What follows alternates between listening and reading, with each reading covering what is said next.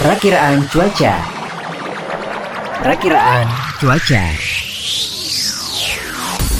Kerjasama Radio Sonora Bali FM bersama BMKG Balai Besar Wilayah 3 Denpasar. Sahabat Sonora, sekarang kami tersambung bersama Ibu Eka dari BMKG Balai Besar Wilayah 3 Denpasar yang akan menyampaikan cuaca untuk hari ini. Bu Eka, silakan informasinya.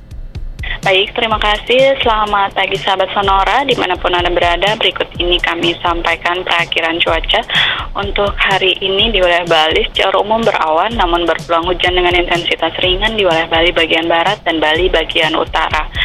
Dan untuk angin umumnya bertiup dari arah timur hingga tenggara dengan kecepatan maksimum mencapai 36 km per jam dengan suhu udara berkisar antara 21 sampai 32 derajat Celcius.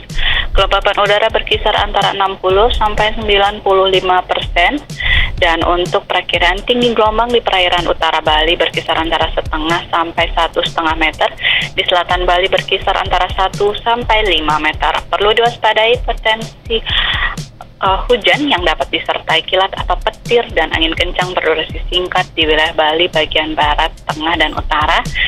Dan tinggi gelombang laut mencapai 2 meter atau lebih di Selat Bali bagian selatan, Selat Lombok bagian selatan, Selat Badung, dan Samudra Hindia Selatan Bali.